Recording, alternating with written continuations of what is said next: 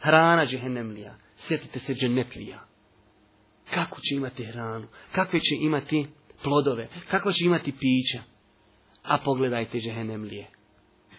Kaže Allah subhanu wa ta'ala, suri gašije, svi mi nju inša Allah znamo, lise lehum ta'amun illa min dari'a.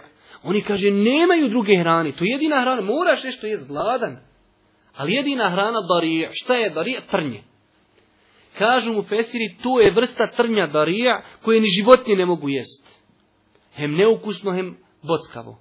Ali kaže zato uzvišeni Allah Đelešanu, La yusminu wa la yugni min džuh. Od, te, od tog trnja, nit možeš odebljat, nit se možeš najest. Ali moraš jest gladan. Trnje će jesti, ali Allah Đelešanu u Kur'anu o tome govori, kaže, ne mogu se najest. Ništa. Nit mogu odebljat, ali gladi. Moraju ga jesti. To je, braću moja draga, Rana džehennemlija. Normalno, u više kuranskih ajeta Allah Đeršanu spominje, i to je u nas na bosanskom poznato, zekum. To je drvo, kao što ga Allah Đeršanu opisuje u suri Safat, to je, kaže, drvo koje će usred džehennema rasti. Izdajte na dunjalku i to postoje fikski propisi.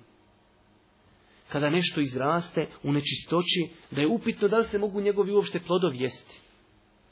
Ali taj zekum raste u sred džehennema. I njegovi, kaže, plodovi su kao šitanske glave. E tu će jesti džehennemlije. Oni će se, kaže, njime hraniti i trbuhe svoje njime puniti. Zatim će tu ključalom vodom izmiješati. Znači, pojedu malo zekuma šitanskih glava, a nakon toga zaliju toplom vodom. Danas Allah sačuva od svega toga.